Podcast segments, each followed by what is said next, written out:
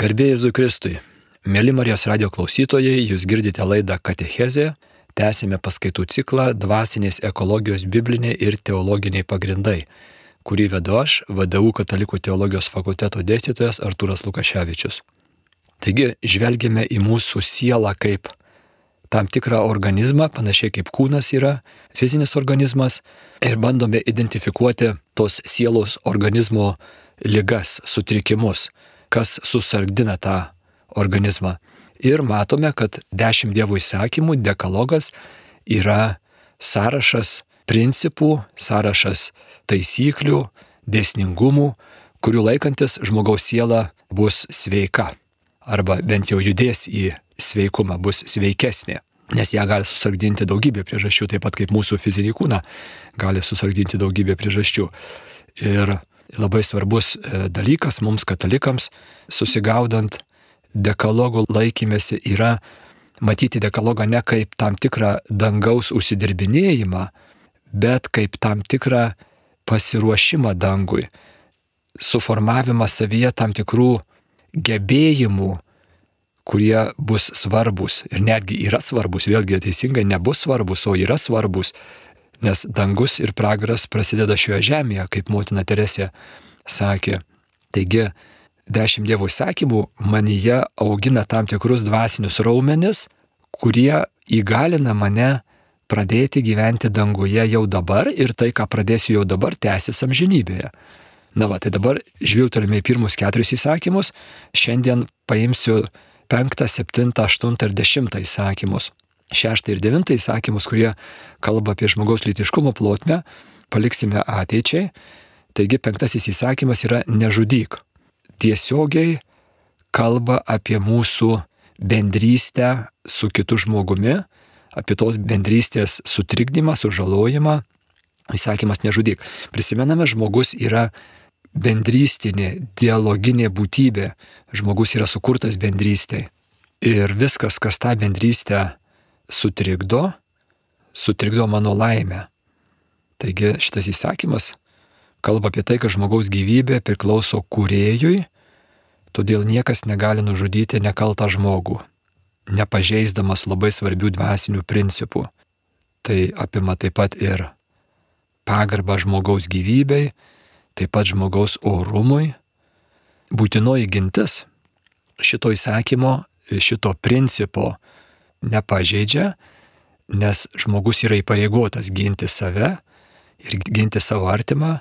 Ir jeigu būtinoji gintis tikriausiai suprantamas dalykas, tai yra tai, kad, kad e, užpuolimo atveju, ar tai būtų koks plėšikavimas, ar, ar, ar, ar netgi karo atveju, ten yra sudėtingesni principai taisyklės, nustatyti, kada karas yra teisingas karas, bet jie yra, tie principai, katekizme išdėstyti.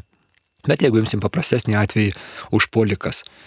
Buvo toks atvejis prieš 20 metų maždaug, Latvijoje į vaikų darželį įsiveržė žmogus ar sutrikusio proto, ar kas dėl kokios tai priežasties su kirviu ir pradėjo kapoti vaikus.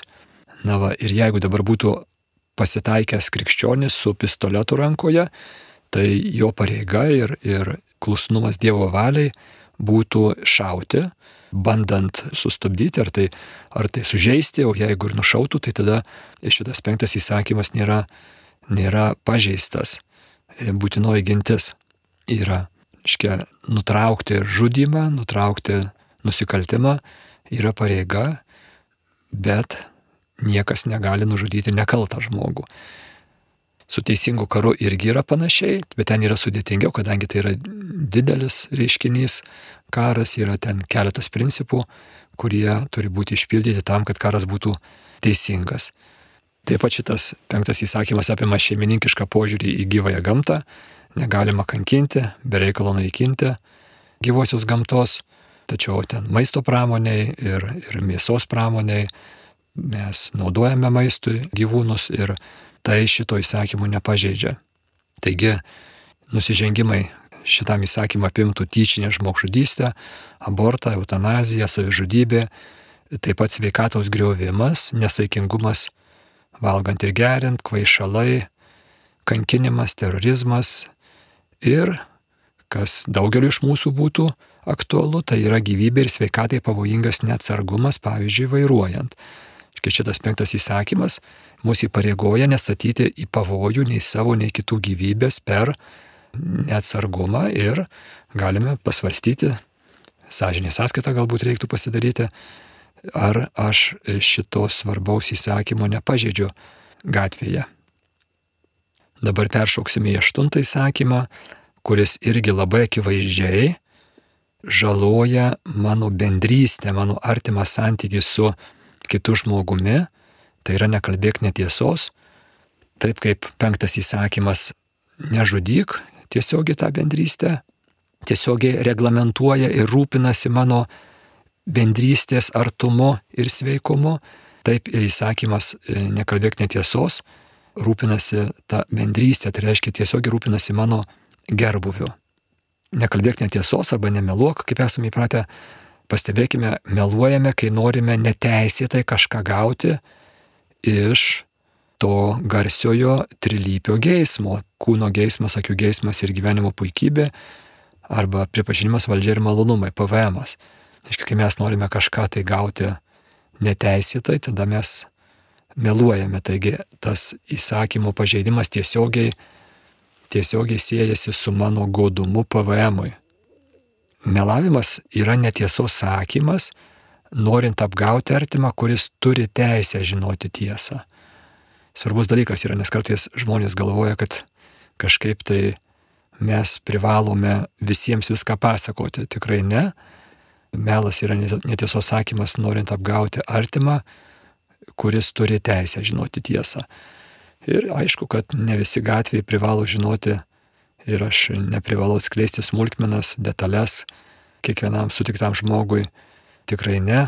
Gali būti situacijų, kur aš privalau nepasakyti tiesos. Nu, klasikinis pavyzdys būtų pas ūkininką pamiškėje slepiasi partizanai ir atėję, atėję milicininkai sovietų nori, nori sužinoti tiesą, tai jisai jokių būdų negali jos pasakyti. Tai, reiškia, melas yra netiesos sakymas, norint apgauti artimą, kuris turi teisę žinoti tiesą. Ir daugybė atvejų turim būti labai diskretiški ir išmintingi, nustatant, ar tas žmogus, kuris nori žinoti tiesą, ar jisai turi teisę ją žinoti. E, šiam įsakymui nusižengėme melavimu, Ir tokie dalykai, kurie dažnai mums pasitaiko, vėlgi žiūrėkime, kaip jie žaidžia bendrystę su artimu ir kaip jie manyje formuoja tam tikrą charakterį, tam tikras vidinės savybės, kurios mane ir toliau stumia blogų kelių. Apkalbos. Tai yra be tikro reikalo nežinantiems pasakojame apie kito trūkumus ir klaidas. Vėlgi kartais būna nėra labai lengva nustatyti, kada yra tikras reikalas, kada nėra tikro reikalo bet svarbi kovos zona pasitikrinti, ar tikrai yra reikalas. Be abejo, tenais naują darbuotoją vadovai rinkdami aptarė jo savybės. Tai būtų tikras reikalas. Ir tos savybės apims taip pat ir trūkumus ir klaidas. Bet nesunkiai galime įsivaizduoti kitas situacijas, kuriuose jau to tikro reikalo nėra.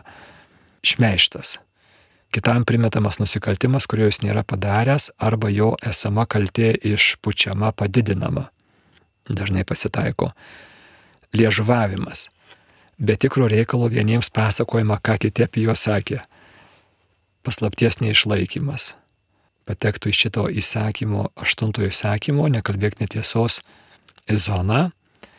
Ir vėlgi pastebėkime, yra apkalbos ir šmeištas ir liežuvavimas remiasi tam tikru mūsų vidiniu menkavertiškumo jausmu, kurį mes bandome kompensuoti, pažemindami kitus ir sukurdami tokią pseudo bendrystę su tuo žmogumi, su kuriuo mes aptarėme tas e, kito klaidas, e, ką ten kas sakė, ar, ar, ar, reiškia, ar padidinam jo kaltę, reiškia tam tikra, tam tikra tokia susikuria bendrystės iliuzija. Reiškia, pastebėkime, kai tą darome, toks tam tikras bendrumo jausmas e, ateina, kuris tačiau nėra autentiškas.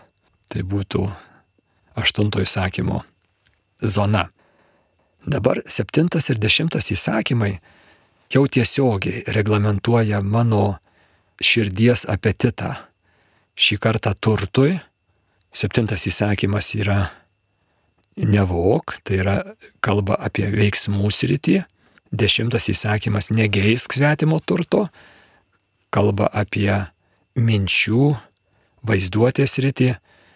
Bendrai imant matome, kad tai kalba apie mano santykį su turtu.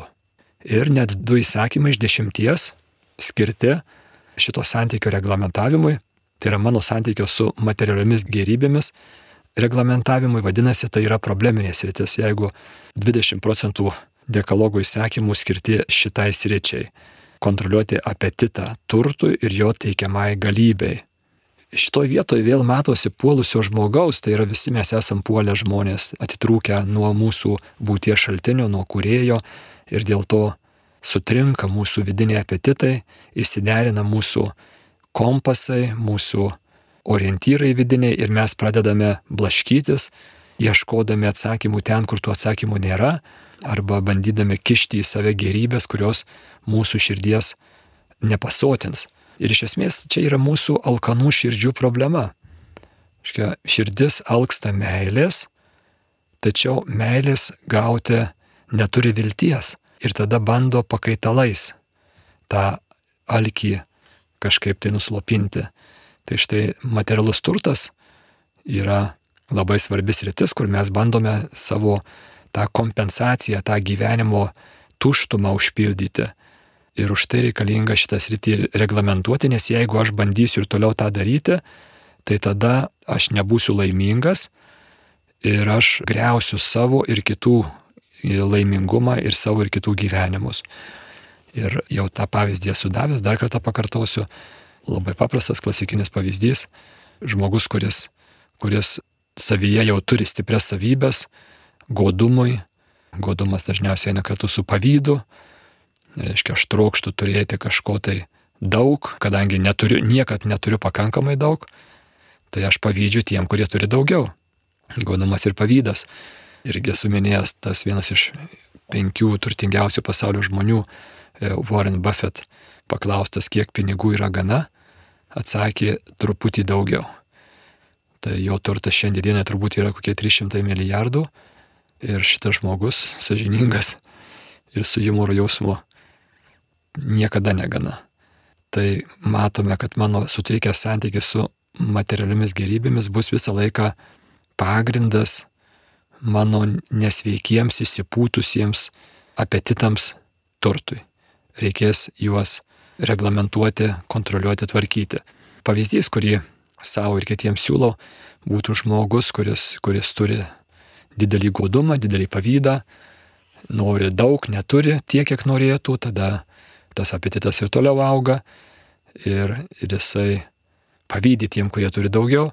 Ir štai tas goduolis pavyduolis žiūri per savo namo langą į kaimyno stogą ir mato, kad tas stogas uždengtas geresnė skarda negu jo.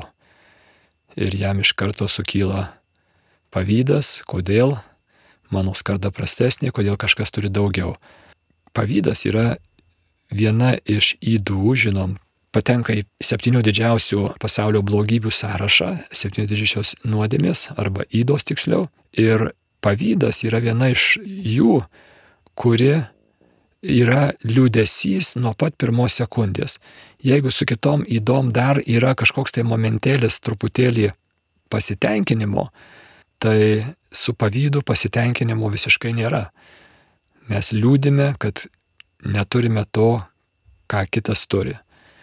Ir reiškia, ir dabar tas mūsų gudulis pavyduolis, kai tik pasižiūri į kaimyno e, stogą, iš karto jį apima liūdėsys, jam sugenda nuotaika, jisai bando kažkaip taip kurti planus, kaip čia pačiam užsidengti tą geresnę skardą, na, jisai galbūt pradės daugiau dirbti, bus labiau įsitempęs, mažiau laisvalaikio turės, mažiau artimiesiems skims laiko, e, jo nuotaika pastoviai bloga, bendradarbiai tą pastebi, su juo nemalonu dirbti, tai reiškia, to žmogaus gyvenimas yra apnuodijamas apnuodijimas godumo ir pavydo.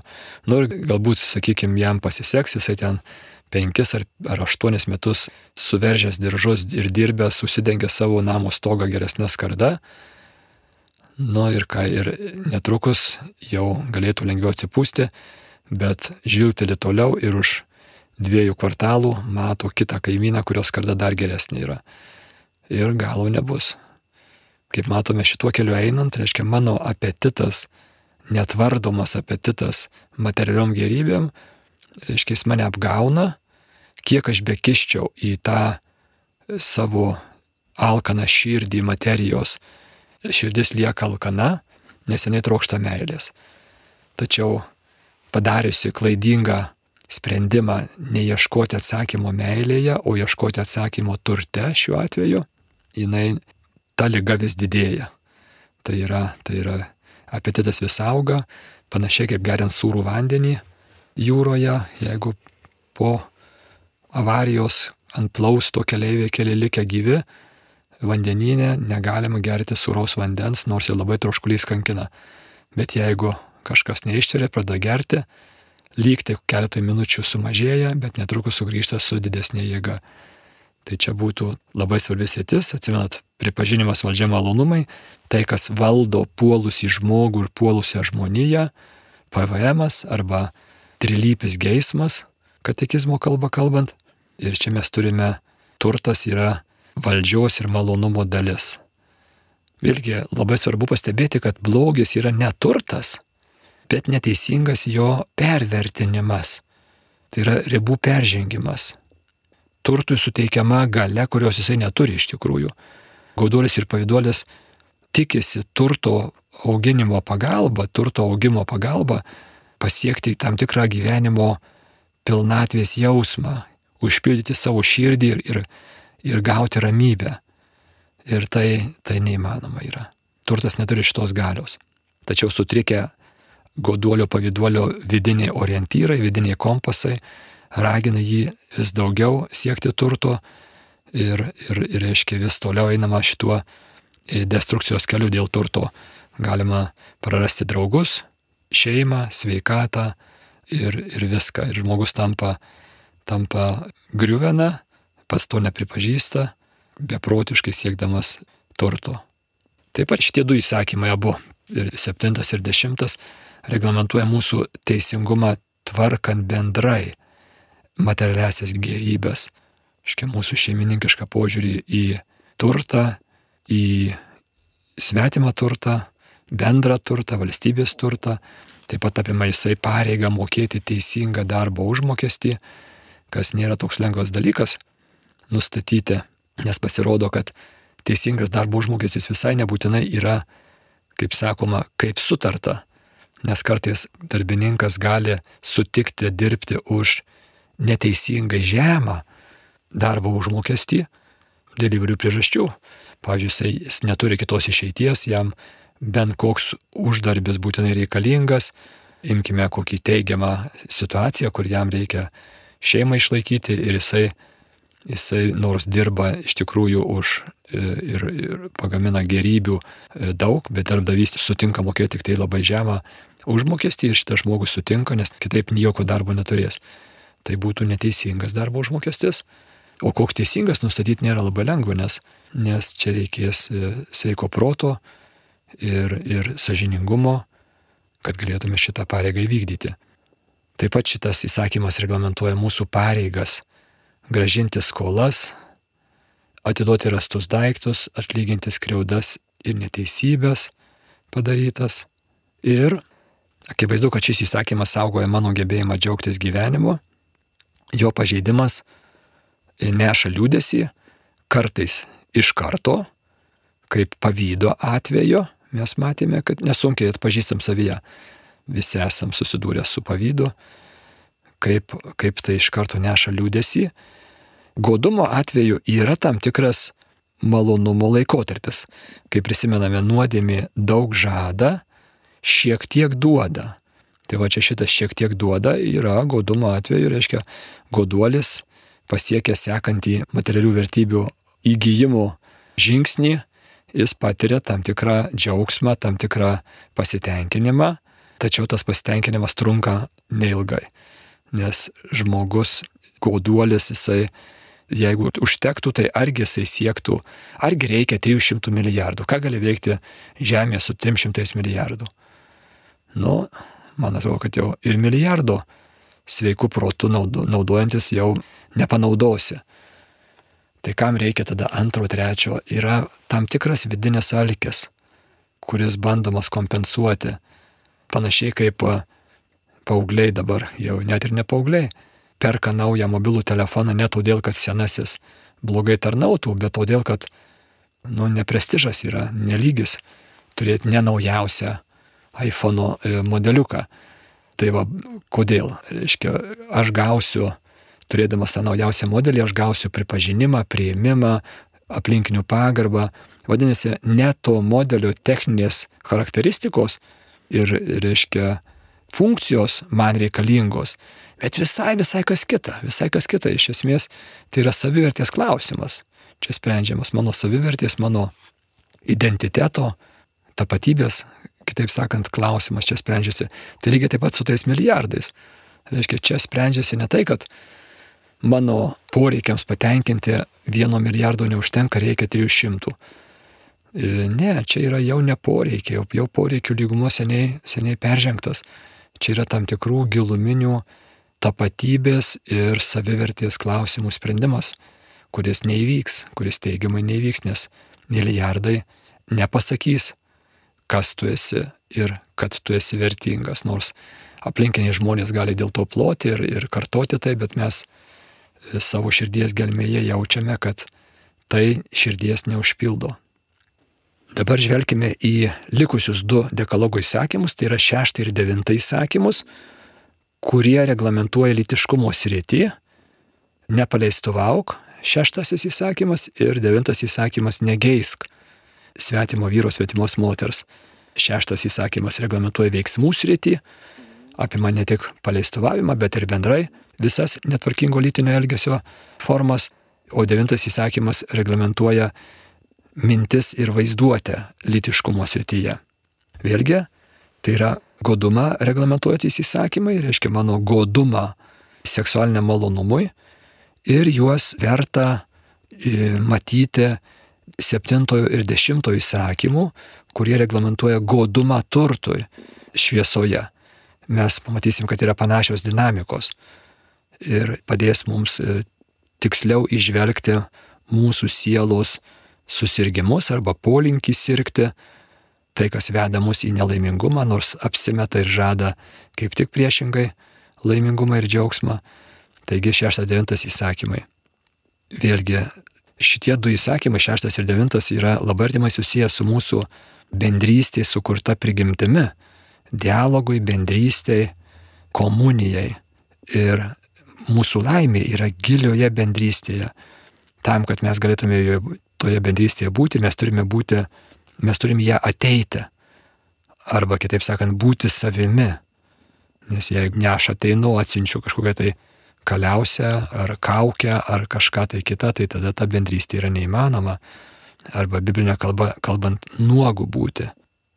Tačiau kadangi aš nenoriu būti savimi, nenoriu būti kūriniu, o noriu žaisti Dievą, kaip žaltys mane įkalbėjo trečiajame pradžios knygos skyriuje, Tai kodėl aš tą Dievą noriu žaisti, kodėl aš nepatenkintas tuo, kas aš esu ir aš noriu pats perbražyti ribas. Todėl, kad toks, koks esu, aš nesitikiu gauti pakankamai PVM, pripažinimo valdžios malonumų. Taigi tobulinu kaukės pagal savo resursus tam, kad gaučiau daugiau pripažinimo valdžios malonumų. Ir čia prasideda puolusio žmogaus tragedija. Tos kaukės gal ir duoda to, pripažinimo valdžios malonumų, bet jos atskiria nuo bendrystės. Tačiau puolė žmogus sutinka mokėti šitą kainą, sutinka prarasti bendrystės laimę tam, kad gautų daugiau pripažinimo valdžios malonumų ir aišku, tokiu būdu įkrenta į nelaimingumą, gilų nelaimingumą, kuris galų gale yra nekas kita kaip pragaras. Tai yra atsiskirimas nuo bendrystės pirmiausiai nuo bendrystės su Dievu ir tada, praradus bendrystę su Dievu, prarandamos visos kitos bendrystės. Dabar norėčiau aptarti vieno e, krikščionio rašytojo Lietuvai žinomas, jis yra Skotas Pekas, jo gana populiari knyga Nepramentuoju taku, išvesta lietuvų kalba, tikrai labai rimta knyga. Kitoje knygoje, tačiau ne, ne šitoj, nepramentuoju taku, bet kitoje knygoje jisai kalba apie bendrystę, apie mūsų sukurtumą bendrystėj ir sako, dėl mūsų nuopolio, dėl to, kad žmogus yra puolęs ir savo viduje išsiderinęs, sutrikęs, visos bendrystės bus sunkios ir kelias į tikrą bendrystę visais atvejais kainuos. Kainuos reikės dėti nemažai pastangų.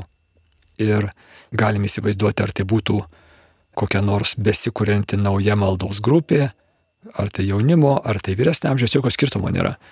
Ar tai būtų vyras ir moteris romantiškose santykiuose, vaikinas ir mergina, judantys link artimesnės bendrystės. Pekas sako, visos bendrystės praeina keturis etapus. Ir čia bus daug išvalgos tuose keturiuose etapuose į tai, kas mes esame ir kas čia vyksta su mumis. Kodėl mes gyvenam tokiam vienišam pasaulyje. Tikriausiai atsimenat minėjau, vienišumas jau yra paskelbtas Junktinių valstijų problema keliančia pavojų valstybei. Anglijoje, Vokietijoje, kai kuriuose kitose išsivyščiusiose šalyse yra vienišumo ministerija.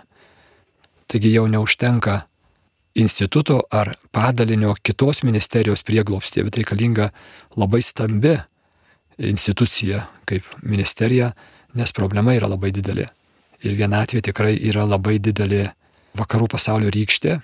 Auga vienatvė ne tik tai pagyvenusių žmonių tarpe, bet ir visų amžiaus grupių, taip pat ir jaunimo tarpe. Ir peko keturi etapai bus vertingi mums pasižiūrėti, kaip patiems ir savo artimiesiems padėti, nuo mūsų priklausantiems žmonėms padėti to vienišumo e, išvengti, kiek įmanoma. Taigi Pekas sako, visos bendrystės, visos bendruomenės, ar tai visos draugystės būtų, visos savanoriškais pagrindais užmėgstos bendrystės, perina keturis etapus. Pirmiausia, pirmasis etapas yra pseudo bendrystė.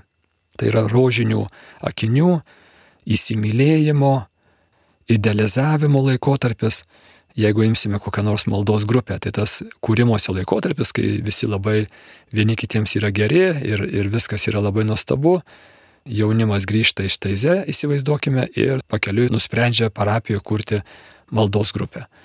Be abejo, ji bus pati nuostabiausia, ideali, tobula maldos grupė, nes štai kokie jie visi užsidegę, jiems patiko labai ir jie kuria maldos grupę. Arba vaikinas ir mergina draugauja ir tas vat įsimylėjimo laikotarpis, tas idealizavimo laikotarpis yra.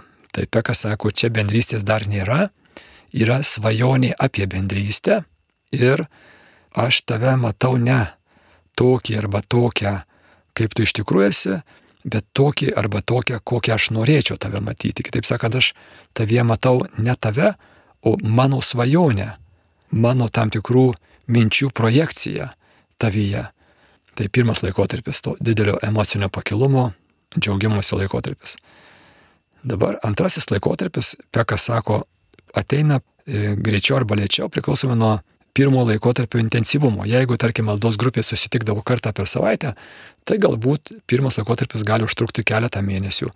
Jeigu susitikdavo kelis kartus per savaitę, jau jisai sutrumpės iki kelių savaičių. Ir tada antrasis laikotarpis yra, Pekas sako, chaoso laikotarpis arba kovos dėl valdžios laikotarpis.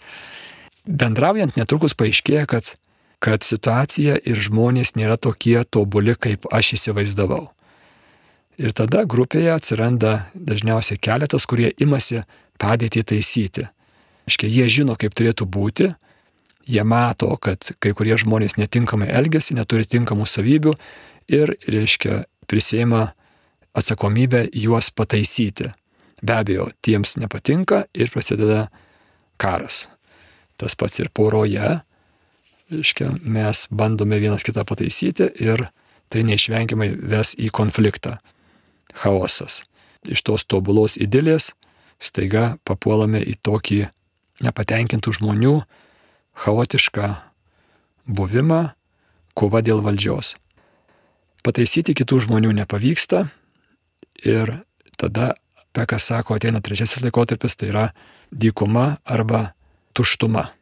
Taigi dykuma arba tuštuma tai yra, aš bandžiau jūs pataisyti, arba mes keliese bandėm, e, susipykom be abejo dėl to, kaip ir ką reikėtų taisyti, nes vienintelis žmogus, kurį aš turiu pataisyti, esu aš pats, tačiau kaip nusidėlis, kitus linkęs kaltinti, o neprisimti atsakomybės, aš be abejo e, bandau taisyti kitus ir aplinkybės ir institucijas pirmiausiai. E, nepavyksta ir tada ateina toks tai nusivylimo laikotarpis, kurį Pekas vadina dykumos laikotarpis. Tai yra tarp mūsų arba nieko neliko bendro, arba beveik nieko neliko bendro. Tai yra visos svajonės paaiškėjo, kad e, sužlugo ir štai yra tuštuma. E, be abejo, kad dauguma maldos grupių ir dauguma porų neišlaiko antro ir trečio laikotarpio ir subyra. Žmonės padaro klaidingą sprendimą, kad ne tas vyras, ne ta žmona arba ne ta grupė ir, reiškia, išeina, jos, jos tiesiog suyra tos grupės. Ir tada Pekas sako, jeigu vis dėlto ištveriamas antras ir trečias laikotarpiai, tada judama ir nueinama į ketvirtąjį laikotarpį, kurį jis pavadina tikra bendrystė. Tikros bendrystės savybė yra tai, kad nustojama keisti kitus ir leidžiama būti kitiems tuo, kuo jie nori, savimi, kaip mes dabar sakytume, arba biblinė kalba, kalbant nuogiems. Leidžiama būti kitiems savimi, jie priimami tokie, kaip yra, jie yra saugus, džiaugiamasi, aš džiaugiuosi tavo buvimu, man kelia tai džiaugsmą. Ir va šita va laikysena yra tai, ką Pekas vadina tikra bendrystė, Be abejo, tie, kurie esame santokoje, galim suprasti, kad tai yra siekinys mūsų santokų. Ir dauguma santokų daug metų užtrunkame antrame ir trečiame laikotarpiuose, kartais ir visą gyvenimą užtrunkame, kartais ketvirtų laikotarpio vieną kitą blyksnį patiriame, tačiau ir vėl mūsų puolusi žmogiška prigimtis egocentriškai reikalauja kitų pasikeitimų, kad aš būčiau laimingas, kad pasaulis būtų teisingas ir gražus. Ir vis dėlto esame atsakingi pakeisti tik save. Pratesime žvilgsnį į šeštą ir devintą įsakymus sekantį kartą. E, mėly Marijos radio klausytojai, jūs girdėjote laidą Katechezė, kurią vedžiau aš, VDU Katalikų teologijos fakulteto dėstytojas Artūras Lukaševičius. Su Dievu viso geriausio